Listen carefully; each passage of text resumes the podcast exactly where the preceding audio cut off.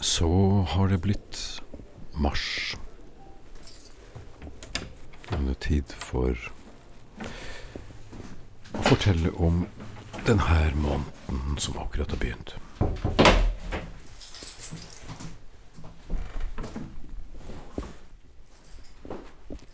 På tide å gå gatelangs igjen, tror jeg.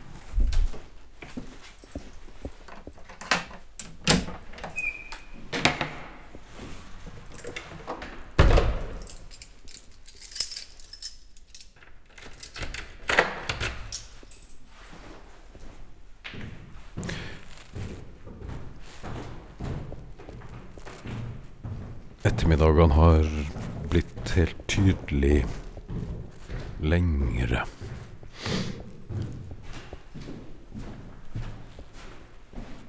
I lysets altså, forstand, altså i, i forstand av lyset, altså.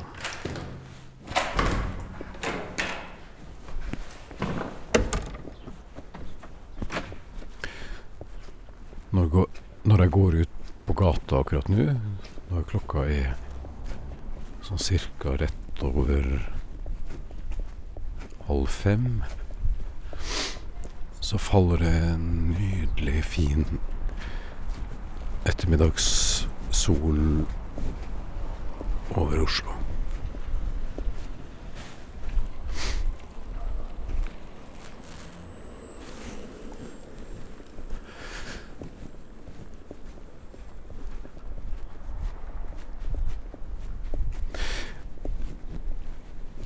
Det med å ha sansene med seg når man skriver, det er kjempeviktig. Det er kanskje noe av det viktigste som fins når man skriver.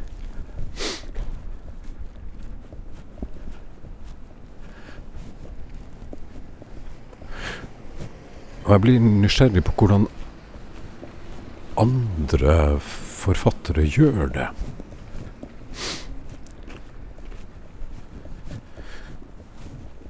Hvordan de tar sansene i bruk.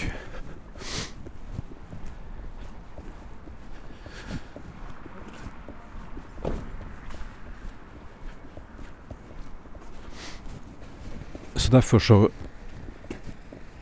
snakka jeg tidligere i dag med en dansk um, poet som heter Helene Johanne Christensen. Hun kom ut med sin andre bok i januar i år. Eh, Den heter 'Sammenfall'. Eh, Og det er en eh, eh bok med, med dikt. Altså det, hun er eh, poet. En av de moderne poetene i Norden akkurat nå.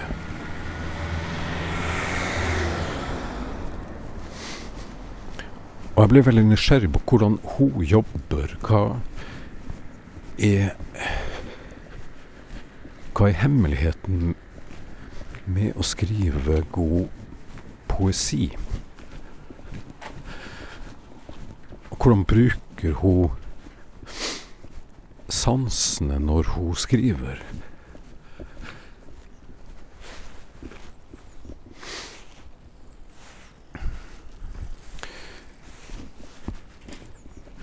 Og, og ikke minst, altså, hvordan lever man egentlig et rikt liv?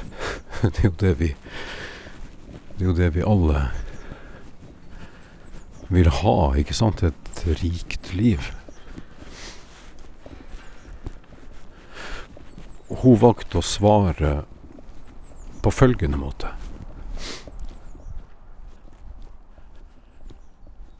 Altså jeg tror, at sansningen betyder, øh, at vi har empati.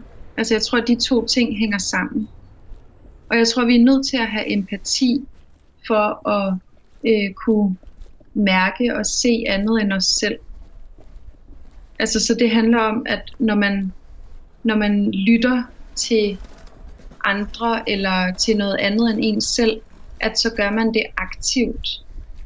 Og at det er en empatisk handling, fordi man forsøger at forstå den anden. Man prøver virkelig aktivt at se den anden. Og det tror jeg, vi er nødt til i forhold til den biodiversitetskrise, der er nu, og generelt vores øh, dårlige forhold til det ikke-menneskelige.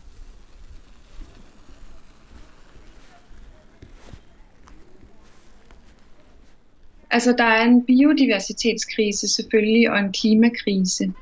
Øhm, og, og meget af det, tror jeg, handler om, at vi har meget længe har set, hvad skal man sige, ja, det ikke menneskelige, altså det vil sige både øh, flora og fauna, som lavere hierarkisk end det menneskelige. Og det menneskelige, det har vi så ligesom knyttet meget til bevidsthed og sprog og logisk sans og fornuft, siden i hvert fald oplysningstiden, hvis ikke før. Øhm, og det der hierarki, der så er opstået, det betyder jo, at vi har sat os øverst, fordi at vi er ånd og bevidsthed, hvor at materien, den umælende materie, har vi set som værende dum.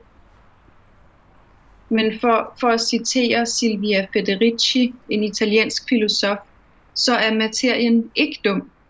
Den er klog. Og det tror jeg, vi skal tilbage til, at kroppen er klog. sandt, altså, sansningerne kan give os viden, og træerne er jo vanvittigt kloge, og dyrene er kloge på alle mulige andre, øh, vurderet ud fra andre parametre end, end de menneskelige. Kan du fortælle om, om træerne? Hvad er det med træerne, som, er, som gør de kloke?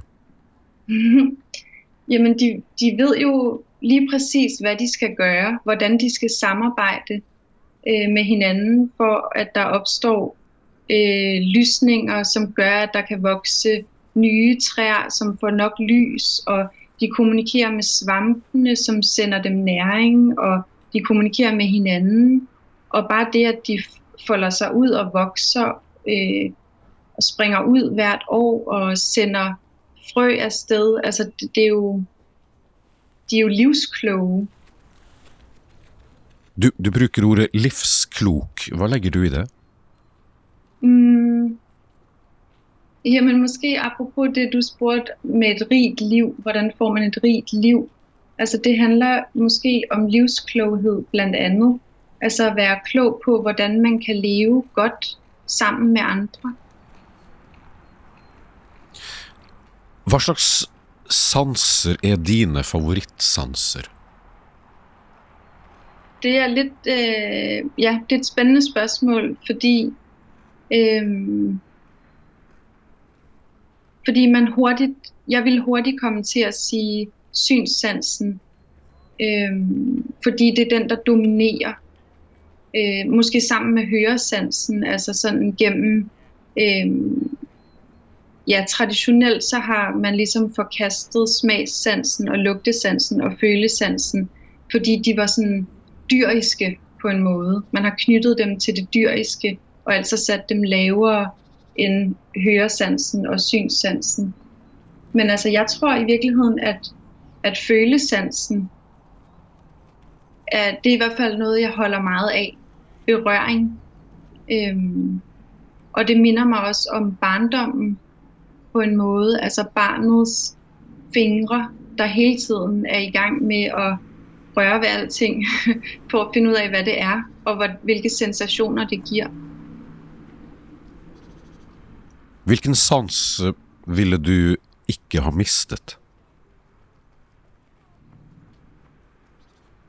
Altså, hvilken jeg helst ikke ville miste.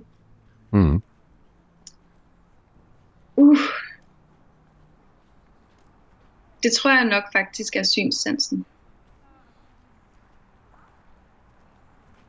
Ville du ha eh, brukt andre sanser på en annen måte hvis du hadde mista synssansen? Ja, det er klart. Det, det, det er jo altså bevist øh, i forskning, at, at folk, der mister en sans, udvikler deres øh, høresans for eksempel, i, hvis det er synssansen, de har mistet. På hvilken måte har de tidene som vi er inne i nå, skjerpa sansene våre, tror du? Jeg tror altså på flere måder. Vi har, altså for nogen øh, er der pludselig mere tid. Øhm, for dem, der har mistet arbejde, og, øh, eller arbejder derhjemme, eller bor alene derhjemme, og ikke ser særlig mange mennesker, altså så, så er der pludselig meget tid, og jeg tror, at den tid, som man så har med sig selv og sit hjem, øh, gør, at man lægger mærke til ting i højere grad, end når man styrter rundt fra det ene til det andet. Øhm, og så også det, at vi jo så ikke har kunne, kunne gå på museum og gøre alle mulige andre ting, som, som vi plejer, os der er privilegeret nok til at have tid og råd til det. Øhm, altså, så har vi gjort nogle andre ting, og det har jo især været at gå ud i naturen, eller hvad man nu skal sige. Det er altså lidt svært med det ord naturen, fordi det lyder som noget, der er noget andet end os selv, og det vil jeg ikke sige, det var. Men øhm, altså gå ud i de ud i vores omgivelser og, øh, og kigge på foråret øh, sidste år og ja, blive mere opmærksom måske på, hvad, hvad det gør ved os at gå derude. Hvordan kan vi træne op sansene våre? Altså jeg tror det handler om, der er selvfølgelig flere forskellige niveauer. Øh, der er sådan et helt, hvad skal man sige, øh, værdisæt, der skal forandres, som er det her hierarki, øh, hvor logikken og fornuften og hjernen og ordene er øverst, og intuitionen og sanserne og fornemmelserne øh, nederst. Det skal jo vendes om, eller i hvert fald posen skal rystes, ikke? så det bliver mere lige. Øhm, men det er jo på et meget, hvad skal man sige, overordnet stort niveau. Øhm, sådan i det i det mindre, så tror jeg, det handler virkelig meget om at prøve at gå, at gå til verden uden fordomme. Og det er jo vildt svært. Øhm, men i hvert fald forsøge at virkelig åbne sig for det, man møder. Og prøve at øhm, ligesom aflære sig nogle af de forforståelser, man har fået. Så på en måde se igennem kategorierne. Så når man møder noget, så ikke bare sige, Nå, men det er jo bare en, det er jo bare ukrudt. Men gå hen til den og til planten og se på den og duft til den. Øhm, og ligesom, ja, ikke lade kategorierne komme før sansningen på en måde.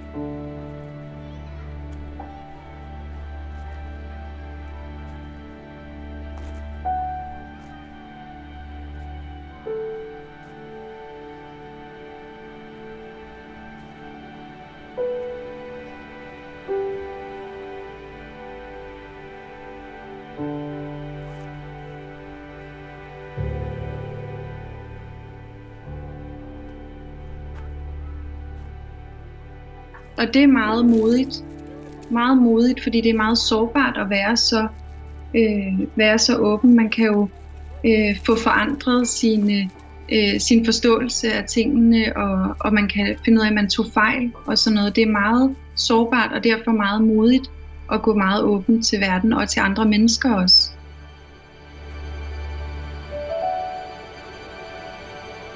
Hvordan øh, øh, bruger du det her i det daglige? Hvad gør du med, med sansene i det daglige? Hvordan, øh, hvordan er du åben med sansene i det daglige? Mm, jeg forsøger, jeg vil gerne øh, være, altså gøre det endnu mere aktivt, opsøge sanseoplevelser endnu mere aktivt, end jeg gør. Men altså, jeg forsøger at øh, virkelig beskæftige mig med de ting, øh, jeg møder. Altså at virkelig se på dem, røre ved dem, lytte til dem, øhm, smage på dem, lugte til dem. Altså ligesom, det, jeg tror også, det handler også lidt om nysgerrighed og sådan, og igen lidt det der med barnet, der, der ligesom kigger forundret på noget og bliver nysgerrig. Hvad er det? Jeg har aldrig set det før. Jeg må finde ud af, hvad det er. og ikke bare tænke mig til, hvad det er. Øhm, altså, så for mig så er det helt konkret noget med at gå, gå tur ned på, på øh, den kirkegård, der ligger øh, tæt ved, hvor jeg bor, og ude på noget, der hedder Sydhavnstippen, som er sådan et dejligt vildnis med får og alpakaer, og vand og fugle og træer. Øh, og så røre ved tingene og kigge på dem og tænke åbent og lade, lad indtrykkene bare falde ind i mig også.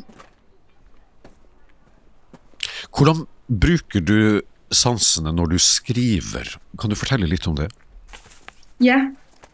Øhm, ja, først tror jeg, jeg lige skal sige noget andet, fordi når, når jeg fokuserer så meget på, på sanserne og kroppen og intuitionen, så er det jo ikke for at sige, at intellektet og bevidstheden og sproget øh, er dårligt eller skal ud på nogen måde. For mig så handler det bare meget om at finde en balance mellem intellektet og, og sansning eller intuitionen. Øhm, så det bliver et samarbejde, hvor der ligesom er lige meget respekt for både, ja for begge dele. Og det er det, jeg oplever meget, når jeg skriver, især øh, lyrik. Øhm, at, at krops, hvad skal man sige, at kroppens viden, altså det, der er svært at formulere med, med hverdagssproget, det logiske sprog, øh, det kan formuleres i poesien, samtidig med, at man jo arbejder med sprog, som er øh, kategorier, øh, logik, øh, noget man arbejder bevidst med. Øh, så derfor også bruger sit intellekt. Altså, så den balance oplever jeg egentlig findes meget i det at skrive digte.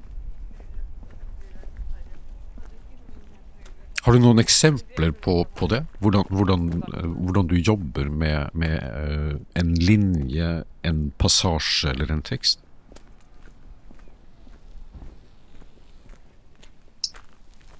Altså det kan for eksempel handle om, at, at der måske er en, en linje, der, der dukker op i min bevidsthed, uden at jeg ved, hvad det er.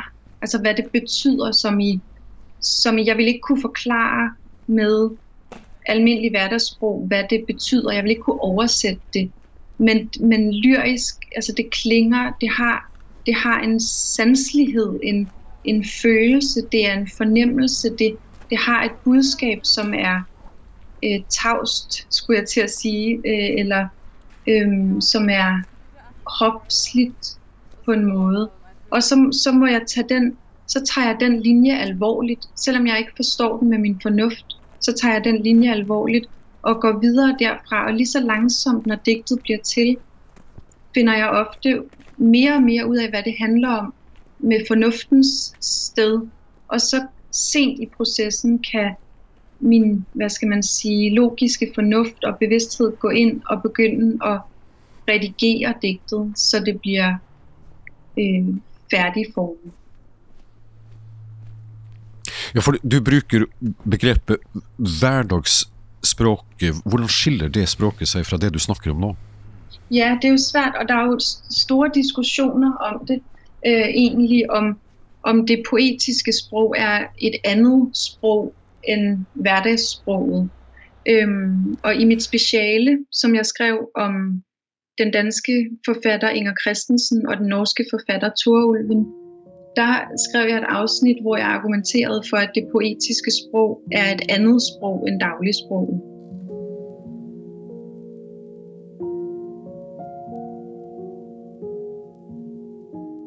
Hvor, hvorfor er det det? Hvad er det, som skiller det fra dagligspråket? Ja, og det er jeg ikke sikker på længere. Det er jeg ikke sikker på, at jeg mener længere, at, daglig, at det poetiske sprog er et andet end, øhm, end dagligsproget. Det, det, jeg, det jeg ved, øhm, er, at, at det, det er underlagt nogle andre regler. Eller det er ikke underlagt regler, det poetiske sprog. Og det gør, at det kan på en måde række ned i den kropslige viden, i det fornemmede, det anede, det sansede, og trække, og trække det frem og formulere det. Øh, fordi det behøver ikke give mening inden for det der logiske rum på en måde. Så, så, jeg ved ikke, om, om det poetiske sprog som sådan er et andet sprog, men det har bare helt andre spilleregler, og derfor har det større øh, rækkevidde på en måde. Betyder det at, for at sige det på en anden måde, at tyngdelovene i det poetiske språket ikke findes? Det kan man godt sige.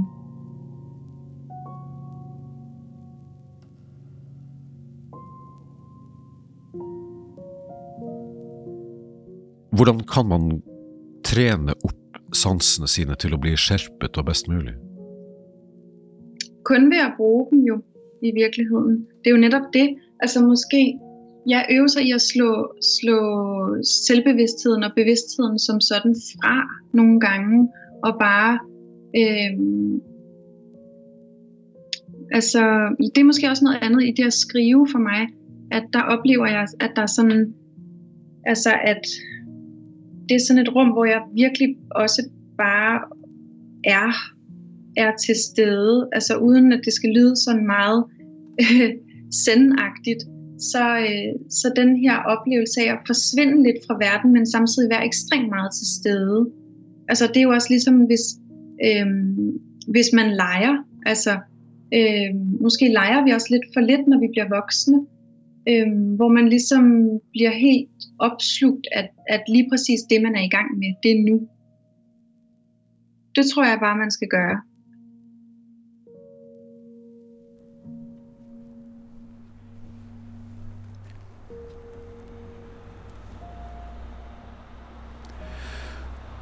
Og så er det jo mars. Mars måned. Fineste, fineste mars måned. Og i 1971 så skriver Gunvor Hofmo følgende.